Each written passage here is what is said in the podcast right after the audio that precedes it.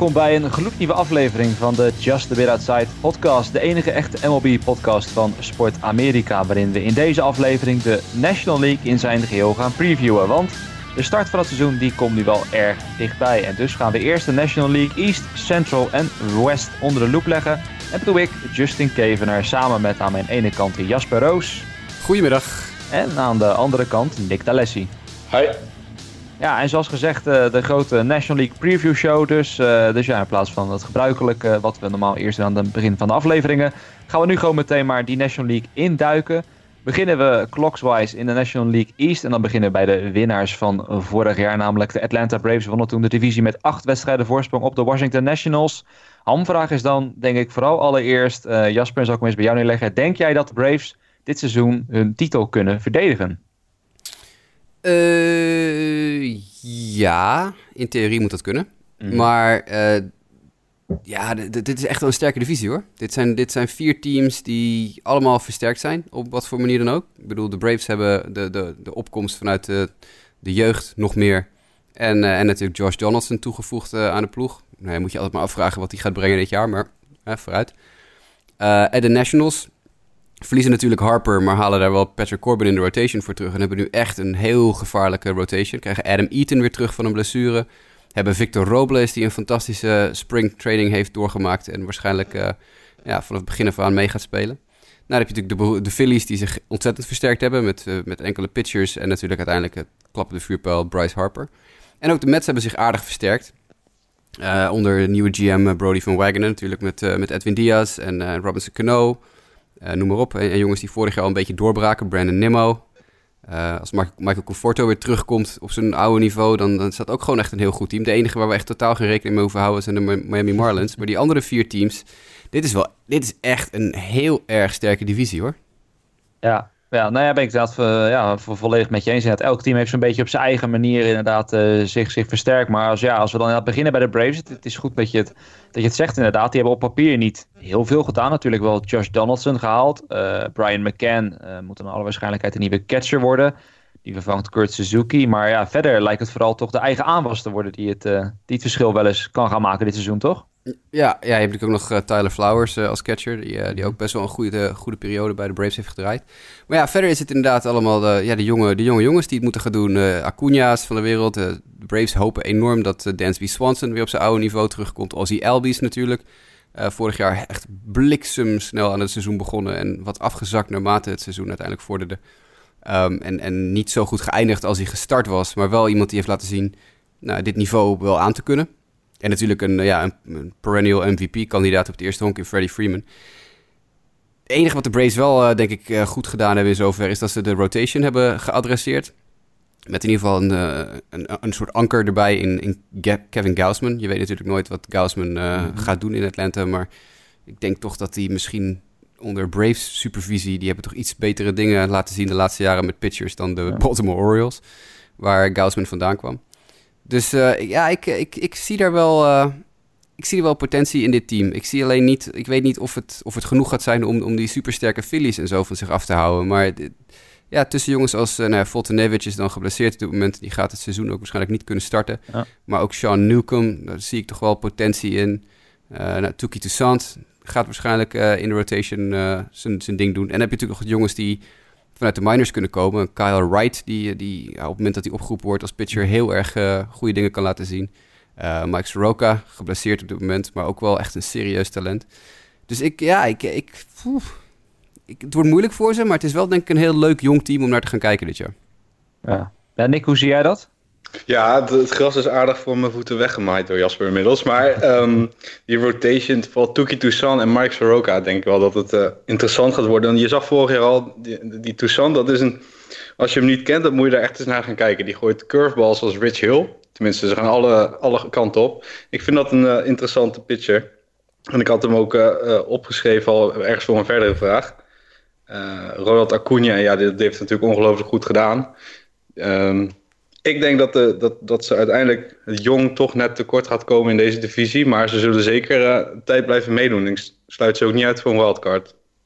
Ja. Nou ja, dat is inderdaad wel. Ik bedoel, misschien dat het dan dit jaar uh, iets te veel gevraagd wordt gezien de, de sterker wordende concurrentie. Maar ik denk met de jeugd die ze momenteel achter de hand hebben. ah, dat in ieder geval de rest van de divisie voorlopig niet, niet af is van die nou ja, Atlanta Braves. Want ook als je kijkt, die prospectlijst, ik weet Jasper, jij hebt er veel betere kijk op, maar er staan wel geteld nu, even kijken, negen spelers, ergens wel in een top 100. Nou ja, hm. Dat zijn dan ook nog eens overwegend starting pitchers. Dus uh, vooral op de heuvel zit het goed wat dat betreft. Ja, dat hebben de Braves inderdaad heel goed gedaan de laatste paar jaar. Die hebben enorm veel werpers verzameld. En, en gebruiken die ook vaak in, in trades als ze ergens een aanvallend element moeten toevoegen. Dat hebben de mhm. Cubs hebben dat ook een paar jaar geleden een keer tot kunst verheven. En nu doen de Braves hebben dat ook een paar keer gedaan. Die hebben ook jongens naar Seattle gestuurd voor offense door de jaren heen bijvoorbeeld. Ja, um, ja ik, ik, zie, ik zie wel. Ik, dit is wel een heel leuk team om naar te kijken. Nogmaals, ik weet niet of het genoeg gaat zijn, maar het is wel, ja. Misschien, ik zou dan misschien als ik GM was daar nog wel nadenken over Craig Kimball. Gewoon omdat dat kan zo'n anker zijn in je bullpen met ervaring. Ook voor die jonge jongens in de, in de, in de bullpen daar. Ik zou wel ernstig nadenken of ik hem zou kunnen toevoegen. Ja, Arodys Vizcaino is natuurlijk de closer op dit moment. Die heeft vorig jaar een beetje mhm. wiebelig gedaan. Maar ik heb vooral ook heel veel interesse in AJ Minter. Mhm. Die linkshandige jongen in de, in de bullpen daar. Als Vizcaino weer een beetje moeilijk uit de startblokken komt, net als vorig jaar, was hij eigenlijk een beetje gammel dan uh, zou ik echt geen reden zien waarom AJ Minter dat niet over kan nemen. Honkbalweek veteraan AJ Minter over. ja. Moet altijd, altijd even bijgemeld worden. Nadeel nou, die, jongen die gaat, ja, sorry. Ja, vlammenwerper. Echt een vlammenwerper. Ja, het nadeel is dat hij lefty is. En dan zie je toch vaak dat die coaches hem dan op andere plekken gaan inzetten dan echt closer. Maar dat hoeft niet zozeer, want ze hebben nog een paar andere hele goede lefties natuurlijk. Hè. Ze, hebben die, ze hebben Johnny Venters nog, die je ook op ieder moment mhm. erin kan knetteren. Uh, volgens mij is, is, het de bedoeling op dit moment dat Max Fried ook de bullpen ingaat. Die staat niet op de rotation uh, uh, gescheduled en dat is ook een lefty. dus ze hebben op, denk ik, voldoende lefties op dit moment in de bullpen om Minter eventueel voor een, een closer rol te kunnen, te kunnen inbouwen. Mm. Ja, ja, maar goed, de concurrentie... Die Jesse, komt... Jesse Biddle, vergeet ik nog. Ze hebben nog een derde lefty. Jesse Biddle ook nog in die bullpen. Ja, wat dat betreft dan werpen inderdaad eh, geen tekort in, eh, in Atlanta. Maar goed, Jasper, je zei net inderdaad al genoeg concurrentie. Het komt uit vele hoeken. Uh, ja, goed, onder andere dus de Washington Nationals werden vorig jaar dan tweede op acht wedstrijden achterstand. En dan gaan nu het tijdperk ja, post Bryce Harper in, Nick. Maar ja, ondanks dat Harper weggaat, is het niet zo dat we geen rekening meer moeten houden met de Nationals, toch? Nee, nee, de, Harper-era is voorbij, maar dan is het tijd voor de Soto en Robles-era misschien in uh, Washington nu. Uh, Robles heeft natuurlijk vorig jaar eigenlijk al sinds hij opgeroepen is, Bryce een beetje in zijn schaduw laten staan af en toe. Was, het is nou, niet dat dat helemaal zo was, maar Soto is natuurlijk ongelooflijk uh, de MLB binnengekomen. En als hij dat volhoudt, dan, dan, ja, dan zullen ze toch minder gaan missen. En dan hebben gewoon een ijzersterke rotatie met uh, Max Scherzer, die gewoon weer natuurlijk top favoriet is voor de Cy Young Award. En daarachter dan Corbin, die, die, die de onderliggende stad heel goed waren. Dat had ik ook niet helemaal aan zien komen. En natuurlijk Strasburg, die een beetje bestuurgevoelig is. Maar als ze allemaal fit blijven, ja, dan is het gewoon... Ja, ik had de, de Nets eigenlijk als winnaar uh, van deze divisie gezien. Het valt wel een beetje af na Strasburg in de rotation. Want als je nou als Anibal Sanchez en Joe Ross je 4 en 5 zijn... Ja. Dan, dan is er toch echt wel... Dat is echt een heel groot gat hoor. Als je van Strasburg naar Sanchez gaat. Dat is toch iets waar nou ja, waar andere teams met, met ja, betere rotations toch niet zo heel bang van worden, denk ik. Um, ik hoop dat, uh, dat Eric Ferry nog iets kan doen dit jaar. De jonge, jonge prospect nog. Die heeft al een beetje de majors gegooid. Ging nooit super goed, maar ja, was nog heel jong. Maar ja, uh, Anibal Sanchez, daar krijg ik altijd een beetje... nee, daar word ik niet zo heel uh, gelukkig gedraaid. Ja, ja dat, dat, is verrassend. Wij was wat 35 vorig jaar, 36. Ja, ja, En hij was inderdaad vorig jaar echt ineens weer heel goed uit het niets. Nadat hij een paar jaar echt dramatisch was in Detroit. Maar ik, ja, ik, ik geloof er nooit zo in. Van die revivals van werpers die ouder dan 35 zijn, ik zie dat nooit uh, niet zo heel positief in, zeg maar. Ja, nou ja, je, zou dan ook kunnen zeggen natuurlijk, hè, Robles en Soto, twee, uh, twee grote beloftes in het outfield. Uh, ja. Eaton die dan natuurlijk wel weer terugkomt, maar toch, ja, aan de andere kant is de spoeling dan misschien ook wel weer wat dun. Want met Eaton blijft er wel natuurlijk wel de hamvraag. En Jasper, jij weet dat waarschijnlijk wel vanuit zijn White Sox dagen natuurlijk. is het vooral, blijft hij fit? Want dat is toch vooral de afgelopen jaren vaak een probleem gebleken bij Adam Eaton. Ja, Ethan heeft een beetje pech gehad. Hij heeft gewoon heeft een paar zware blessures gehad. Die, die kniebanden die hij afscheurde vorig jaar, dat is natuurlijk een, ja, dat is, dat is gewoon pech hebben. Je stapt op verkeerd op een honk en, en je, je, je ligt er gewoon een jaar uit. Uh, en, en dat is natuurlijk wel ja, iets wat je in de gaten moet houden. Verder is hij nooit echt langdurig geblesseerd geweest. Ja, hij rent wel eens tegen een muur op en heeft dan even wat last van zijn schouder. Uh, ik, ik geloof op zich best wel dat Adam Eaton in dit team met, met Soto en, uh, en Robles naast hem wel echt, echt een serieus goede, goede indruk kan gaan achterlaten. Hij is op dit moment in spring training staat hij helemaal los te gaan. Hij gelooft een OPS van 1600. Dus uh, ja, ik, ik, ik, ik vind als je Eaton, als Eaton je zwakste schakel in je outfield is, wat in dit geval met Robles en, en Soto natuurlijk hij mhm. misschien eigenlijk wel is, dat, uh, dat, je niet, uh, dat je niet gek hebt hoor. Dat is best wel, best wel oké. Okay. Ja. Nee. Nou ja, dan had nog de, de, de razendsnelle Michael Taylor achter de hand, die misschien nooit echt helemaal uh, zijn belofte heeft waar kunnen maken. Maar die denk ik toch wel als extra outfielder altijd wel bruikbaar is met uh, de flinke snelheid die hij uh, met zich meebrengt. En daarnaast denk ik ook, we hebben in het verleden vaak genoeg de poolpen belachelijk gemaakt. Maar nu met Sean Doolittle als closer, Kyle Barrowclaw erachter die ze van de Marlins hebben overgenomen. Trevor Rosenthal van de Cardinals staat dat in ieder geval denk ik ook wel een stuk beter op dan uh, nou ja, met name twee jaar geleden het geval was toen ze echt all-in gingen. Maar wel even vergaten dat de bullpen wel een redelijk essentieel onderdeel vormt van je, van je team, zoals gezegd. Dus dat, staat er ook wel beter op. Dus ik denk zeker dat ze, dat ze niet, uh, zeker niet kansloos hoeven te zijn. En een nieuw catcher duo waar ik ook wel, uh, ook wel muziek in zit. Jan Gomes en Kurt Suzuki. Mhm. Allebei ja. nou, toch denk ik goede spelers. Suzuki had een goed seizoen vorig jaar. Gomes altijd natuurlijk een beetje een enigma geweest in Cleveland. Maar wel, uh, wel gewoon goede spelers. En natuurlijk, die linkerkant van je infield is ook gewoon heel goed met Rendon en Trey Turner. Uh, dat, ja, dat wil ik ook wel uh, een potje mee ballen. Ik ben niet zo'n fan van Dozier en Zimmerman aan de andere kant. Maar ja, goed, dat, je moet toch ergens... iemand moet op het tweede honk staan, zou je zeggen. Dus hm. dat is, dan zou ik daar liever een jongen als Wilmer Defoe neerzetten nu dan Brian Dozier. Maar oké, okay, vooruit maar.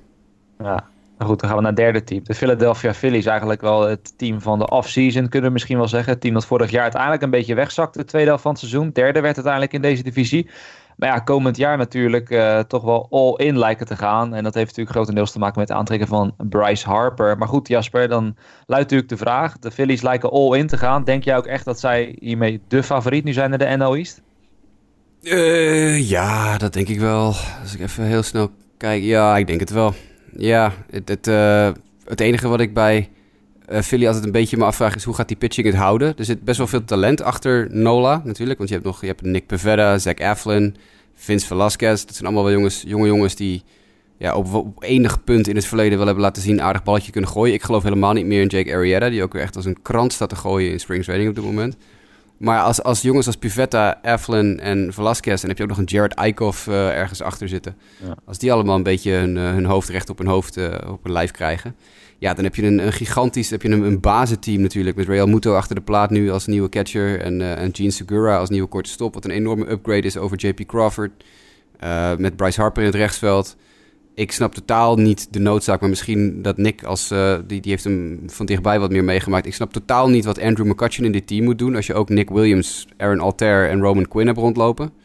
Ja. Is, is, die, is, is McCutcheon nog zoveel beter dan die drie jongens? Dat denk ik niet. Maar het is, ja, dat, dan ga je al snel weer kijken. Dingen als uh, dat hij goed is in de clubhouse en zo. Hè? Dat, was het niet gewoon een backup plan voor hun om die, die aan het begin van het jaar dan... Aan het begin van de zijn we natuurlijk al gepakt voor redelijk wat geld. Eh, misschien hadden ze niet helemaal rekening mee gehouden dat ze uiteindelijk toch zo serieus voor. Ja, dat is eigenlijk ook niet waar. Nou, het is een goede vraag van je. De... Ja, ik weet het gewoon niet. Ik, ik vind gewoon, ja, ik, ik zie meer nut in dan in het geld ergens anders heen gooien. En een jongen als Nick Williams of Aaron Alter, die ook gewoon hartstikke goed kunnen honkballen. En misschien momenteel wel beter kunnen honkballen dan Andrew McCutcheon. Gooi die er maar gewoon in het linksveld. Maar goed, oké. Dat ben ik. Ja, ja, misschien kan je nog eentje mid-season wegdoen. Hè? Voor een dat, uh, ja, zakkerpunt. Dat, dat, zou ook nog, uh, dat zou nog kunnen. Ze zijn geloof ik Williams al hard aan het shoppen, maar die, ja, ze willen er te veel voor hebben. Logisch, want dat is een goede honkballer. Ja. En uh, ja, wat hebben we nog verder over de Phillies te zeggen? nieuwe closer, David Robertson.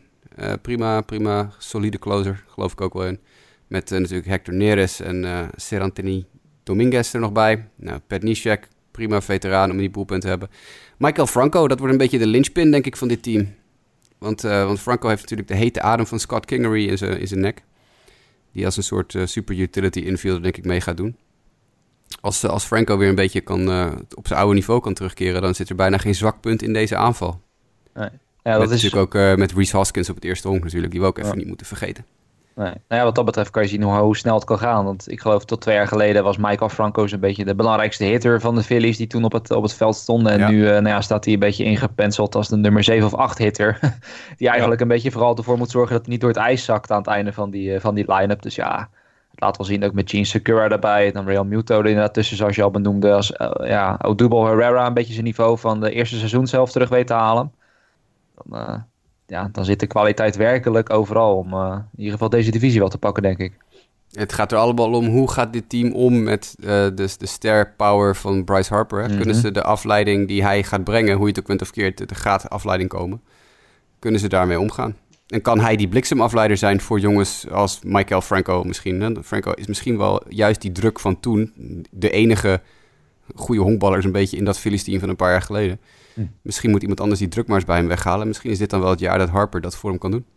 Ja, ja. goed over uh, star power gesproken. Uh, gaan we naar de New York Mets. Ja, die hebben dan misschien een ander soort star power binnen gehaald. Ook al een beetje oude vorm van star power. Uh, Robinson Cano was daar natuurlijk het grote nieuws die dit offseason naar de Mets gingen. Vorig jaar werden ze vierde. Maar onder andere door het aantrekken van dus de eerder genoemde Robinson Cano, Edwin Diaz, worden ze toch wel wat hoger ingeschaald door de nou ja, meerdere wetkantoren onder andere. En die zien de Mets ook toch wel als een outsider voor de titel. Nick, denk je dat dat terecht is? Of, lopen de mensen dan echt een beetje te hard van stapel? Het zou, kijk, op papier denk ik zou terecht zijn. Maar er zijn nu drie teams die aanmerkelijk, aanmerkelijk toch wel uh, uh, op alle linies dan iets hoger worden ingeschat. En dan moet je er drie inhalen. In plaats van, kijk, één kan je nog eens verrassen. Maar drie is wat veel. En ik denk dan dat de New York Mets het wel gaan proberen. Maar dat het uiteindelijk toch te weinig is. Oh, het is een heel interessant team hoor. Met Brandon Nimmo en Conforto. Uh, ik vind Cano ben ik niet zo heel grote fan van. Uh, ze hebben natuurlijk wel die mooie rotatie met Syndergaard, de Crom. En uh, Zach Wheeler, onder andere. Dus ja, het kan natuurlijk wel interessant worden. Ze hebben een sterke rotatie. Maar ik denk toch dat spreekwoordelijke wielen er dan vanaf gaan vallen en dat ze dan toch gaan kijken naar Trace. Heb je, die, heb je Zack Wheeler zien gooien in spring training tot nu toe? Man, daar echt spatten de vlammen vanaf op dit moment. Dus dat, uh, dat kan wel een leuke verrassing worden voor ze. Ik, eh, ik, ik ben het helemaal met Nick eens hoor. Dit is een team waar wat best wel wat leuke spelers heeft. En af en toe denk je van oké, okay, hey, dus, er zit wat leuks in. Maar er zijn nog zoveel mindere plekken in dit team. Er zijn te veel gaten nog in dit team. Ik bedoel, je midvelder is, is of uh, Juan Lagares of Keon Broxton. Ja, met alle respect voor die twee jongens, dat is, dat is niet waar je je midvelder, in de, categorie speler waar je je midvelder uit wil hebben. Uh, Jet Lowry op het derde honk, of eventueel Todd Frazier. Die, weet je, ik, ja, ik kijk, nogmaals, we hebben deze discussie al vaker gehad over service time. Maar dit team wordt in één klap, voor, voor mijn gevoel, een stuk beter als ze gewoon zeggen: fuck it met je, met je service time. Piet Alonso komt gewoon op opening day op het eerste honk staan bij ons.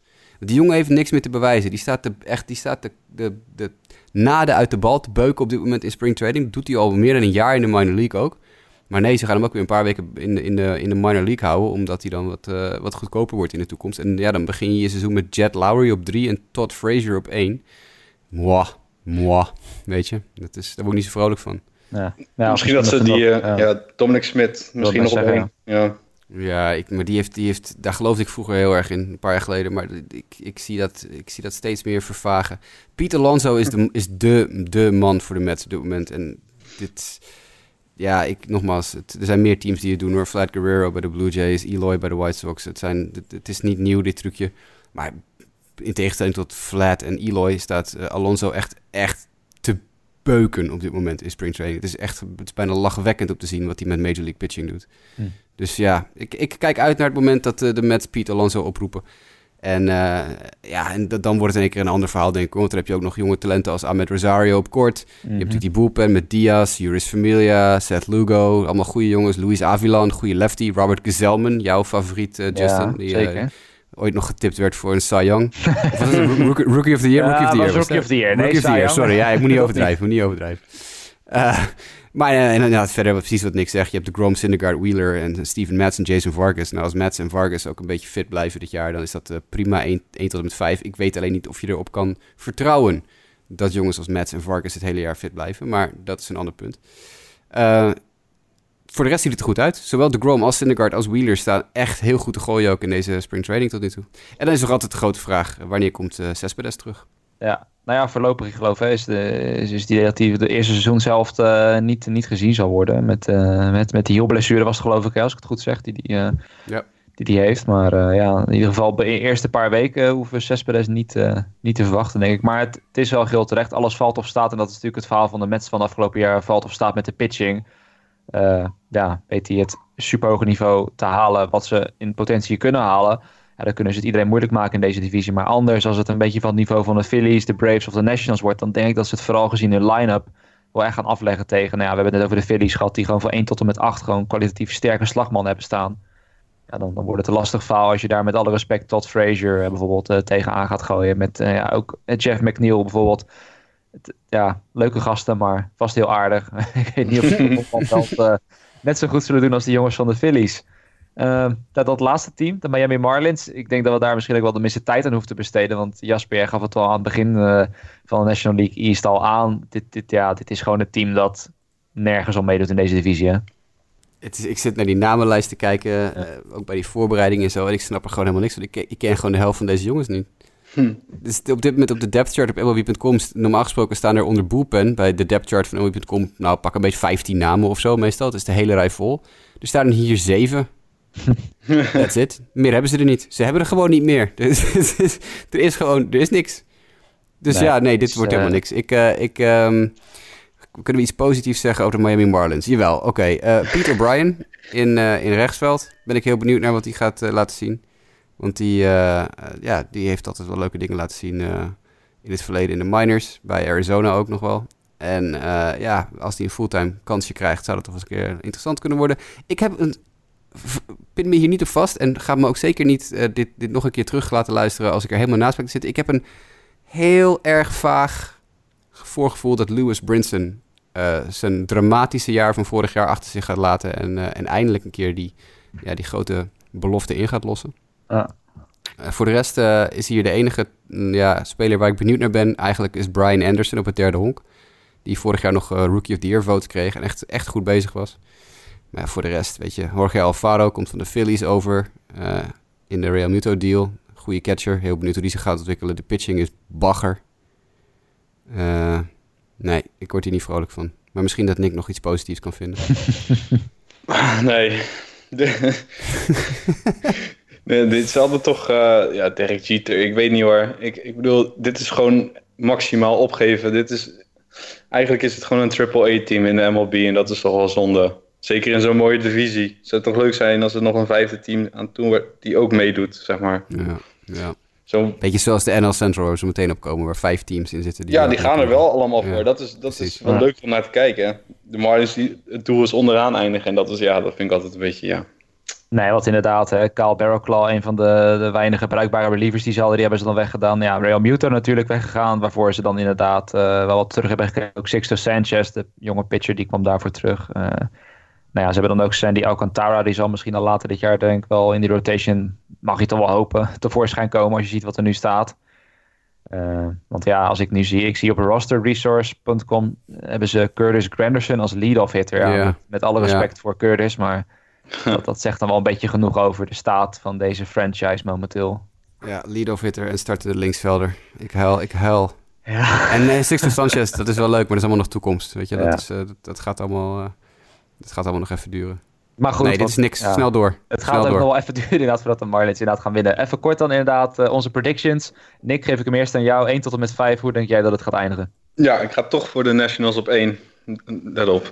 En um, ja, daarachter dan de Phillies. Toch is zo erg versterkt. Maar die hebben dan misschien nog, toch nog even een aanloopjaartje nodig om uh, te klikken, zeg maar. Mm -hmm. Atlanta Braves op 3. Uh, Mets op 4. En dan als laatste natuurlijk de Marlins. Ja, Jasper? Bijna hetzelfde. Ik doe uh, Phillies 1, Nationals 2, Atlanta 3, Mets 4, Miami 5. En ik sluit me geheel aan bij Jasper uh, Roos. Dus uh, ja, ik ga er gewoon mee. De Mets inderdaad 4, nou ja, Marlins 5. En de Phillies gaan er met de divisie vandoor, denk ik inderdaad. Dus maar goed, redelijk allemaal op één lijn in die divisie. Je had ook nog Mike's predictions, geloof ik. Wat had hij ja. gezegd als divisiewinnaar? Volgens mij is dat Mike ook niet zo heel gek ver bij ons vandaan. Mike zei, even zien, Philadelphia, Washington, Atlanta, Mets, Miami. Dus hetzelfde. Ja, ja.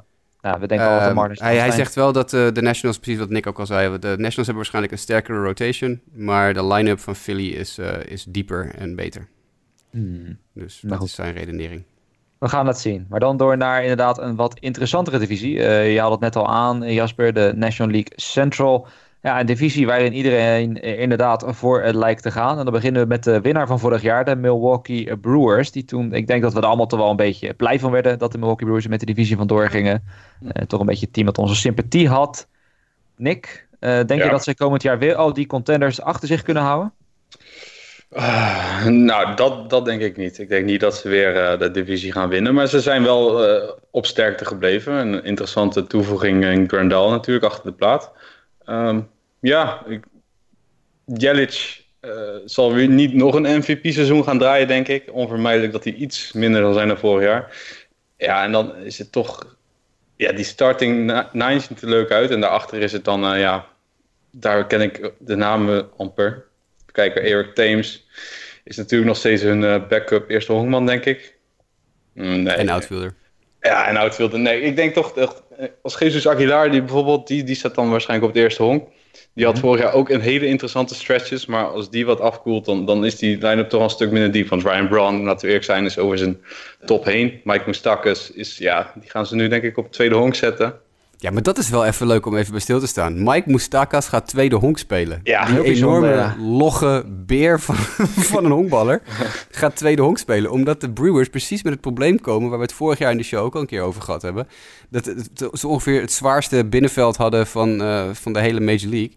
Want toen ook, ze, ze hadden ook Schoop nog een tijdje. En, en met Moustakas en Shaw en Aguilar en eventueel nog Thames als backup... heb je echt... dat zijn echt beesten van kerels. Ik wil het wel zien hoor, Moustakas op twee. Dat lijkt me hilarisch. Ja, maar, maar effectief weet ik, ja... Nee, nee, absoluut nee. Dus dan denk ik, ben ik toch bang dat ze iets gaan wegzakken. Ze hebben weer dat topniveau nodig wat ze vorig jaar allemaal eigenlijk hadden. Hè? Stuk voor stuk sloegen ze eigenlijk het topjaar. En ik zie dan toch eerder de regressie een beetje terugkeren daar. En dan, ja, dan, dan eindig je al snel onder die een paar andere teams dat de hele divisie is uh, sterk. Ik, uh, ik, uh, ik ben iets positiever over de Brewers. Ik, uh, niet dat je negatief bent door Nick, maar ik, ben, ik, ben iets, ik zie het nog iets positiever in. Want met de toevoeging van Grandal hebben ze echt wel een, een upgradeje achter de plaat. Nu die Eric Kratz, dat is natuurlijk een hartstikke leuke kerel, maar dat is, ja, als Major League catcher heb je er niet zo heel veel meer aan, aanvallend gezien ook. Dus met Grandal en Manny Pina hebben ze een heel leuk duo achter de plaat. Ik ben heel erg eh, van de Travis Shaw fanclub. Uh, dat ben ik al jaren. Ik werd vorige week, of in, vorig jaar in onze Fantasy League of in een andere Fantasy League een beetje belachelijk gemaakt voor het feit dat ik alle ballen op Travis Shaw gooide. En dat is allemaal prima uitgekomen met, ik geloof, 30 homers en 100 RBI's of zo. um, ja, vind ik goed. Kane gaat prima mee. Braun is inderdaad een beetje op zijn retour. Maar daar heb je Ben Gamel voor als backup in het linksveld. En Ben Gamel kan ook best wel een leuk balletje honkballen. En dan heb je nog van die super subs, super subs als Hernan Perez en Tyler Saladino. Die zo ongeveer overal in, het in- en outfield kunnen spelen. Uh, wat heel nuttige spelers zijn om te hebben. En, en dan kijk ik naar die rotation. Daar is, is dan weer een probleem. Maar, want met Julius Chassin, Chase Anderson, Zach Davies, Jimmy Nelson eventueel en Brandon Woodruff... is het dan niet dat je denkt, wow, dat is een 1 tot met 5 waar je op de banken gaat staan. Maar ik ga even twee namen geven om in de gaten te houden. Eentje kennen jullie zeker weten wel, dat is Freddy Peralta. We hebben het vorig jaar ook al een paar keer over gehad. En uh, high strikeout, high octane pitcher. Ik, uh, ik zou het wel leuk vinden als die een stapje kan zetten dit jaar. En mijn man deze periode is uh, Corbin Burns. Corbin Burns strijdt op dit moment voor een plek in de rotation. En ja, ik vind dat hij die eigenlijk gewoon moet krijgen. hm. Want dat, dat is echt dat is een, dat is een heel goede werper hoor. Daar, daar kan ik wel wat mee. En natuurlijk, de, als je een boepen hebt waar je laatste drie werpers... Josh Hader, Jeremy Jeffers en Corey Knebel zijn... Nou, dan kan je ook wel, daar kan je ook wel mee thuiskomen. Nog een Jacob Barnes erin ook, ergens in die boepen. Dus ja, ik, ik zie iets positiever in. Ik, ik denk dat ze hetzelfde niveau halen. De vraag is alleen, is datzelfde niveau goed genoeg om dit jaar wel de divisie te winnen? Dat is het volgende punt. Ja. Ja, nou, dat sluit in inderdaad volledig baan. Want ook als je ziet, uh, ik zat nog even het rijtje door te nemen wat er is weggegaan. Nou ja, dan kan je inderdaad stellen dat ze niet op achteruit zijn gegaan. En misschien zelfs iets vooruit, op vooruit zijn, uit, uh, zijn gegaan. Uh, maar goed, kijk al naar de ploeg die ze vorig jaar achter zich hielden. De Chicago Cubs kan je eigenlijk misschien wel een beetje hetzelfde van zeggen. Hebben niet heel erg veel gedaan, Jasper. Uh, leunen eigenlijk op dezelfde supporting cast als vorig jaar het geval was. Ja, denk je dat zij dan nu wel genoeg hebben om dit nou over die Brewers heen te stappen? Nee, dit is dus weer, dit is dan weer mijn, uh, dit, wat Nick net over de Brewers zei, ga ik nu over de Cubs doen. Uh, ik denk dat de Cubs dit jaar enorm gaan teleurstellen. Dat is mijn, dat is mijn bold prediction van het seizoen 2019. Mm -hmm. Um, dus er is één, één uh, statistieke model dat ook de Cubs echt uh, heel laag heeft. Ik geloof dat er zelfs, ik weet niet, is het Pacoda of is het Steamer? Een van die twee prediction models. Pacoda die, was het, daar zou ik zo op plek 4 staan met de losing vierde? Ja, geloof ja. ik, ja. Dat, nou, dat zou mij ook niet zo heel veel verbazen. Want dit is eigenlijk gewoon ja, volledig hetzelfde team als vorig jaar.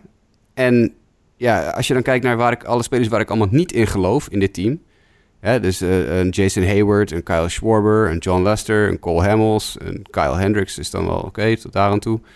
Uh, ben Zobrist, uh, daar word ik niet zo vrolijk van. De, de, spelers waar je, waar, je, waar je wel wat van kan verwachten, de Chris Bryant. Nou, Bryant had vorig jaar een beetje een off-year, maar ja, die is te getalenteerd om niet weer goed voor de dag te komen. Javi Baez gaat, denk ik, niet meer zo'n goed seizoen hebben als vorig jaar. Maar zal je nog steeds wel als nuttige speler op het veld kunnen hebben. Maar ja, dan de rest van deze, deze ploeg. Dan heb je een uh, David Bodie, die, die als reserve op de bank zit. En, uh, Addison Russell, die zijn handen niet thuis kan houden. Ian Happ, die 200 strikeouts krijgt per seizoen. Ik, ik weet het niet hoor. Ik, ik, ben er niet zo positief over. Anthony Rizzo en, en Chris Bryant, dat zijn de twee waar je denk ik gewoon zeker weten op kan bouwen. En dan, ja, Hugh Darvish heeft heel erg goed lopen gooien in spring trading. Dus misschien dat hij weer een, een, terug, een terugkomst kan hebben op het hoogste niveau. Brandon Morrow geblesseerd als closer. Dus Pedro Stroop wordt nu je closer. Maar die is ook geblesseerd, want die heeft met last van een hamstringblessure... waar hij vorig jaar ook een paar keer last van had. Ja, ik weet het, ik weet het echt niet hoor. Ik, ik, ik, Hmm. Nee, ik, ik, ja, ik, ik, ik- nee, ik weet, ik weet het gewoon echt niet. ik, vind het een, ik vind het ook echt een moeilijk team. Maar ik denk, ik zou mij, het zou mij minder verbazen als ze drie of vier eindigen... dan wanneer ze de divisie winnen. Ja. Nee, ik herken het gevoel wel een beetje. Maar ik weet niet, Nick, ben je een stuk positiever of zit je ook een beetje in de, in de hoek dat je je toch een klein beetje zorgen maakt? Ja, ik kan heel, heel stuk meekomen met, eh, met Jasper. Dat, ik bedoel, eh, zijn afhankelijk wel van een paar mensen die echt goed moeten doen. Bryant, Rizzo, Baez en ik geloof wel in Contreras achter de plaat. Ja, daar kan ik ook wel in meegaan, ja. En, en dan die, die rotatie vind ik toch wel solide hoor. Dat, dat zijn wel, zeg maar, mensen... Ja, Hugh Darvish, dat is, maar dat was een jaar geleden ook nog gewoon een prima pitcher. Die staat volgens mij in spring training er aardig goed te doen, ook met zijn Ja. met zijn velo. Dus dat is ook wel belangrijk. En dan heb je die Cole Hamels die echt een goede tweede helft had. Cal Henders die een goede tweede helft had. Quintana die het tot nooit echt heeft waargemaakt bij de Cubs. Dus ik hoop dat die, ja, voor, zeg maar een beetje terugkeert naar zijn White Sox dagen. En dan heb je John Lester, ja, die wordt, vind ik, een beetje oud worden. Eh, Dan kan je toch wel wat re- regressie weer verwachten. Die is vorig jaar ook niet fantastisch. Ja, dan heb ik die rotatie. Als die, als die intact blijft, dan denk ik toch wel dat ze... Ja, dan schat ik ze toch wel eh, mee in dat ze tot het einde kunnen blijven meedoen. Ik geloof gewoon helemaal niet meer zo in Hamels. Ik, staat ook in spring training niet zo heel goed te gooien op dit moment. Ik, het enige die ik, waar ik nog wat echt hoop voor heb is Darvish, omdat hij gewoon heel goed staat te gooien nu. Lester staat als een krant te gooien. Hamels is matig. Hendricks, dat is, ja, dat, ik ben nooit een fan van Hendricks, maar hij maakt het iedere keer wel weer waar. Ja, Dus dat, dan moet ik daar een beetje, een beetje mee oppassen. Ja, d- Darvish en Quintana, als die een, een, een ommekeer meemaken, dan is het een ander verhaal. Maar ik, ik, zie, ik zie gewoon helemaal niet... Als je nummer 1 en 2 Lester en Hamels zijn, die zijn met z'n tweeën bijna, ik geloof, 90. Dat is... Dat is Ongeveer, ongeveer. Ja, daar word je niet... Daar, weet je, daar word ik gewoon niet zo vrolijk van. Plus het feit natuurlijk, en dat moeten we allemaal niet onderschatten... er is totaal geen enkele marge voor eh, problemen bij de Cubs. Nee. Als er iemand geblesseerd raakt, is er geen enkele manier om iemand op te roepen die die plek op kan vullen. Er is nul minor league. De Cubs zijn geloof ik het enige eh, organisatie op dit moment in de, met, met de Marlins, denk ik. Eh de Marlins inmiddels ook niet meer naar die paar trades. Maar de Cubs zijn het enige organisatie met geen top 100 prospects in welke publicatie dan ook. Baseball America, Baseball Prospectus, MLB.com, noem ze maar op. Die hebben gewoon geen top 100 prospects. Er zit helemaal niets Ja, kan snel gaan. onder de. Major League. Het is echt, als er nu iets, als er iemand wegvalt, dan moeten ze traden. En da- dan ben je afhankelijk van andere teams. ja. En dan moet je dus ook dingen kwijtraken. Ze, zijn, ze hebben helemaal niets. Als hier iets fout gaat, als hier één speler uitvalt... die niet 1, 2, 3 vervangbaar is met iets wat je op de bank hebt zitten... dan, dan heb je echt een probleem. Dan heb je echt een probleem. Ja. Nou ja, ik, ik deel inderdaad het sentiment een beetje. Toen ik er ook naar keek, dacht ik van ja, het zijn wel solide namen, maar ja, ergens het gevoel, en dat is dan misschien niet het beste argument, maar ook mijn gevoel zijn van ja, zie ik het team de divisie winnen? Ik denk het niet. En een team waar ik dan bijvoorbeeld een veel beter gevoel bij heb, eh, dat is dan de grote rivaal in de St. Louis Cardinals. Vorig jaar derde, deed nog redelijk lang mee voor een wildcard, maar kwam uiteindelijk net te kort. Nou dit offseason natuurlijk het grote nieuws was dat ze Paul ook Goldschmidt Nick, eh, ja, kunnen de Cardinals met Goldsmith in de gelederen dan wel nu echt die stap gaan maken dat ze niet alleen de Cubs, maar bijvoorbeeld ook de Brewers eh, ja, in kunnen gaan halen? Ja, ik, ik, ik heb wel hogere verwachtingen van de Cards. Ook, ook mede door hun rotatie. Uh, Miles Mikolas was vorig jaar echt wel een revelatie voor mij. Dat, ik echt, dat zag ik echt niet aankomen. Natuurlijk uit Japan overgekomen. En dan Jack Flaherty daarachter. Nou, dat, dat is echt een heel groot talent. Die heb, dat, dat is een kandidaat voor de Cy Young voor mij. En die twee beginnen dan. Dan heb je natuurlijk nog Wainwright en Waka daarachter. Nou, dat is op zich wel redelijk. Maar inderdaad, Goldschmidt op de eerste honk uh, in zijn walk year. Uh, met de teruglopende free agent market zal hij toch laten zien wat hij nog waard is. Hij is na volgend jaar 32, denk ik. Dus ja, als, als, als iedereen meedoet, hè, met Carpenter die vorig jaar echt hot stretches heeft gehad, dat je denkt, die jongen gaat gewoon voor MVP. Mm, maar dat doet hij dan twee, drie weken en dan is het ook weer even klaar. Als... Ja, dat deed hij de, ma de maand september geloof ik, hè, vorig jaar. Hij sloeg, hij sloeg iets van 15 homeruns in september, nadat hij 11 had geslagen in het hele jaar of zo. ja, en dan heb ik denk ik een beetje hetzelfde verhaal als, als, als de Cubs van Jasper zei. De, de bank daarachter, en dan heb je een José Martinez. Nou, ja, die wil je eigenlijk uh, bij een EL-team zien als DH, want die kan blijkbaar niet verdedigen. En daarachter zit, zit niet veel, geloof ik, zo even uit mijn hoofd. Of, of heb ik het mis? Ja. Tyler O'Neill. Jet Jerko als infielder. Ik, ik, ben, ik ben wel van de Tyler O'Neill uh, fanclub. Dus, uh, dus de, als outfielder heb je O'Neill nog als uh, achter de hand. Maar ik, ik sluit me helemaal bij Nick aan verder. Dit is, dit is op zich... ja, je bent afhankelijk van, van een beetje je, je up-the-middle jongens hè, in dit geval. Want je weet wat je gaat krijgen van, van Goldschmidt. Je weet wat je gaat krijgen van Carpenter op 1 en 3. in zoverre linksveld weet je ook wel wat je gaat krijgen. Dat is Marcel Ozuna. Nou, dit een beetje een down year vorig jaar. Maar ja, ik zie niet waarom hij niet gewoon weer zijn oude niveau kan halen. Uh, je bent je, je up de middel, jongens. Paul de Jong op korte stop, Colton Wong op tweede honk en Harrison Bader in, in centerfield.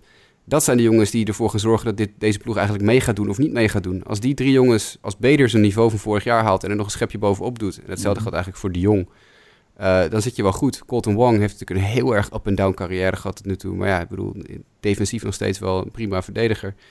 Uh, Paul de Jong staat op dit moment 1 uit 31 geloof ik in spring training. heeft er nog geen bal geraakt. Dus dat is nog wel even een kleine case of concern. Um, ja, ik, ik, ik ben op zich heel erg, ik geef heel erg oog op van, uh, van Beder. Ik vind dat echt een hele goede honkballer. En ik denk ook echt wel dat hij van waarde kan gaan zijn. Dus ja, als je dat altijd met elkaar optelt met nog de ervaring van Fowler in het rechtsveld, die ook wel echt heel slecht was vorig jaar. Maar goed, dat is een ander punt.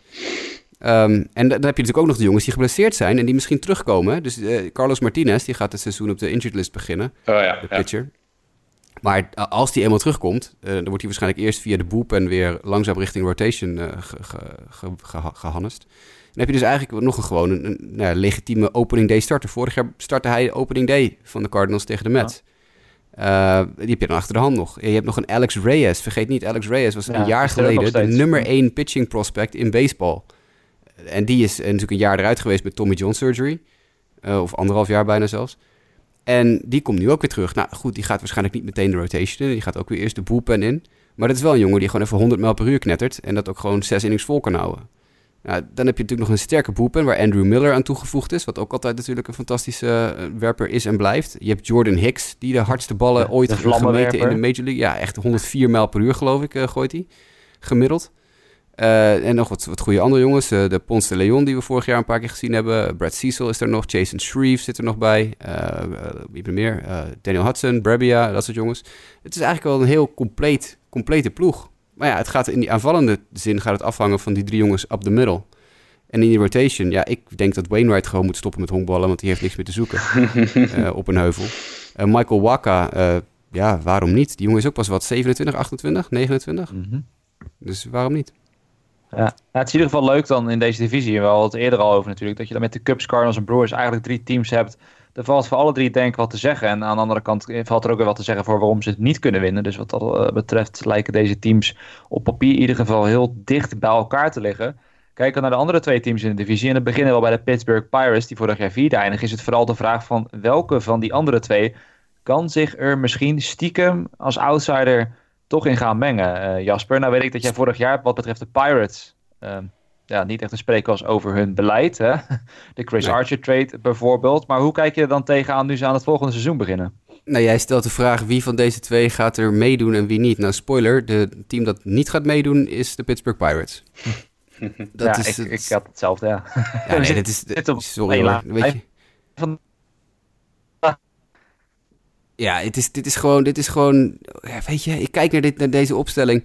Ik, ik zie dit gewoon niet. Weet je, eh, Eric Gonzalez op korte stop. Ja. Uh, Oké, de, de, de, de wereldberoemde Eric Gonzalez. Is het überhaupt Eric Gonzalez? Ik zie E. Gonzalez. Ik ken alleen een Eric Gonzalez. ja, het, is, het is Eric. Het is, Eric Gonzalez, toch? Ja, precies. Nou ja, oké, prima. Eh, nooit van Kang, gehoord. Jongo, Jongo Kang. Jongo Kang is er natuurlijk, maar die is dus ook een beetje op derde honk zit hij vast. Maar Kang staat, staat zelfs niet op de eerste vier of vijf van de korte stop uh, depth chart. Want daar zit Kevin Newman nog achter en dat zou ik dan eerder doen. Kevin Newman is wel een aardige honkballer. Nou, Colin Moran van de Astros overgekomen vorig jaar op drie. Best een leuke honkballer. Maar ja, je moet maar even zien wat hij mee gaat doen. George Bell heeft het nu nog niet waar kunnen maken op het eerste honk. Adam Frazier is nog niet bepaald je startende tweede honkman in een, een team dat meedoet. Nou ja, outfield stikt van het talent. Dickerson, Marte, Polanco, fantastisch. Polanco heeft nog nooit een heel seizoen kunnen laten zien wat hij überhaupt kan. Die heeft dan nog de hete adem van uh, Lonnie Chisenhall in zijn nek. Dus dat is ook nog iets waar hij in de gaten, wat in de gaten moet houden.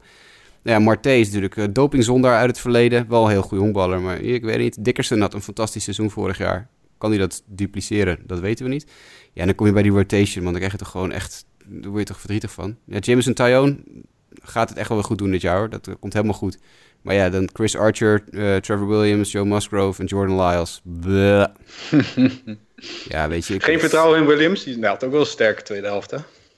Ja, weet je, ik, ik heb vooral vertrouwen in Williams' Twitter-game. die, is, die is heel grappig op, op Twitter. Uh, Meyamo Trevor, at Meyamo Trevor uh, is, uh, is zijn Twitter-handle voor de mensen die hem willen volgen. Francisco Liriano is terug, ja. Ja, maar die, ja, dat zie ik niet gebeuren. Weet je, dat, die, die, die zie ik niet eens het team halen. Nou ja, oké, misschien haalt hij wel het team, maar dat is... Dat ja, ze lefty, hè, misschien een bullpen, desnoods.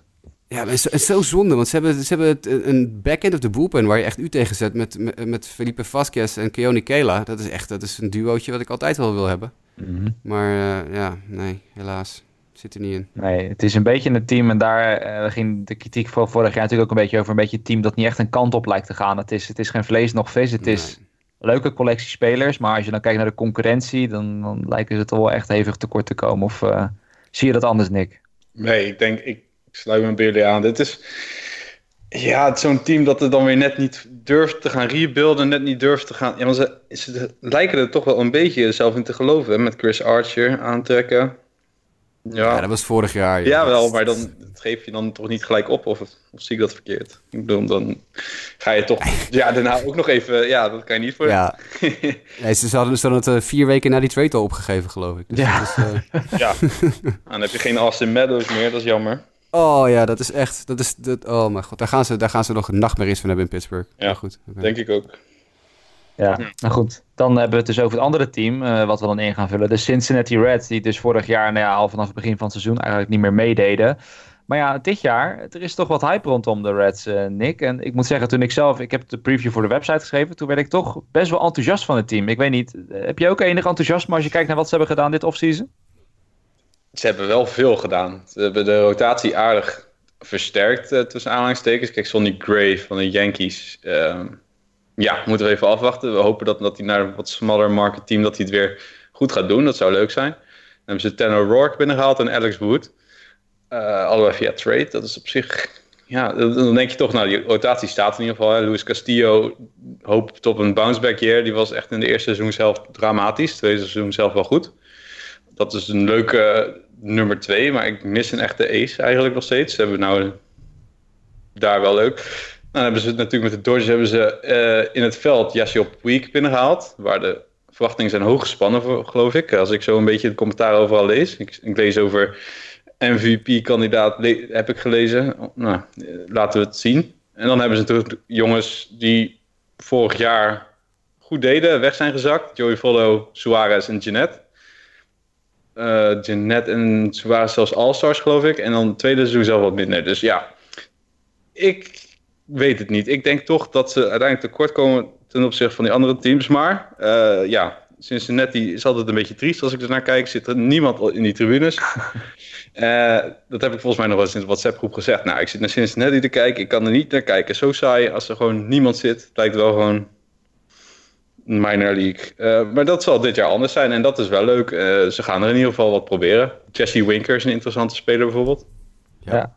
Ja, en, en, is, en niks, niks en Zel, Ik wil het zeggen, daar, ik wil net de AE geven, Jasper. Want jij kijkt waarschijnlijk vooruit naar het moment dat ze niks en Zel erin gooien. Wat waarschijnlijk dan wel centerfield kan worden. Hè? Ja, dat is ook helemaal terecht. Want Scott Schebler geloof ik niet zo hard in. Dat vind ik echt... Uh, het gaat helemaal nergens over dat hij nog steeds loopt de honkbal in de Major League. Maar uh, nou, dat is niet helemaal waar. Verdienstelijke, laten we zeggen, quadruple A-player. Maar niet, niet eentje waar je een run mee gaat maken in de divisie. En Nick Senzel is dat er wel een. Natuurlijk echt een hele hoge draftpick van een paar jaar geleden. Fantastische slagman. Ja, derde honk is langdurig bezet door Eugenio Suarez. Dus dat, daar kan hij niet heen. Dus dat wordt centerfield voor Nick Senzel. Maar als die opgeroepen wordt, en als ze slim zijn, doen ze dat. Ik geloof 16 april is de deadline, geloof ik, voor dat soort jongens. Dus die moet dan op 16 april mhm. ongeveer opgeroepen worden. Uh, dan kunnen ze daar echt heel veel, uh, heel veel een, een, boost van krijgen. Want ze hebben natuurlijk ook op de bank nog uh, Matt Kemp zitten als veteraan. Uh, Yasiel Puig in het outfield erbij. Nou, ik geloof wel heel erg in Scooter Jeanette, de mascotte van de podcast Scooter Jeanette. Dan kan ik natuurlijk niet uit de weg gaan dat deze man gewoon weer een All-Star wordt dit jaar. um, Peraza op korte stop, ook best wel een verdienstelijke honkballer. Vado was ja, gewoon weer legendarisch vorig jaar. Ik, ik, ik, ja, als Pecota zegt de Cubs worden vierde, dan worden de Reds derde hoor. Dat is, uh, ja. ik zie het wel gebeuren. Ik, uh, ik denk ook, want inderdaad ook, je zegt het net, hè, met die bank hebben ze al Matt Kemp er toch bij. Ik geloof, zoals het er nu naar ziet, ook Jose Iglesias, Derek Dietrich. Nou ja, toch, toch denk ik bruikbare spelers om achter de hand te hebben. En af en toe erin te zetten. Maar alles valt of staat denk ik wel met die rotation. Kijk, aan de andere kant kan je zeggen, de afgelopen jaren was het echt om te janken. Uh, de rotation. Dus, dus alles wat maar een beetje fatsoenlijk gaat, dat is al snel een verbetering. Uh, ja, en ze hebben het voordeel ook, sorry dat ik je van onderbreek, maar ze hebben het voordeel bij die wedstrijd, als het niet lukt met die rotation die ze nu hebben, en ik denk echt serieus, dit is een wereld van verschil met vorig jaar, hè, wat ze, wat ze vorig jaar en het jaar daarvoor en het jaar daarvoor allemaal op de heuvel zetten. Dit is echt een serieuze, serieuze verbetering. Maar stel je voor, het lukt even niet met een van die jongens, dan heb je nog in je bullpen een Amir Garrett die je zo uh, de rotation in kan schrijven. Een Lucas Sims die overgenomen is van de Braves. Een Matt Whistler die overgenomen is van de Braves. Allemaal jongens met veel starterservaring. Die je gewoon, uh, huppakee, poep.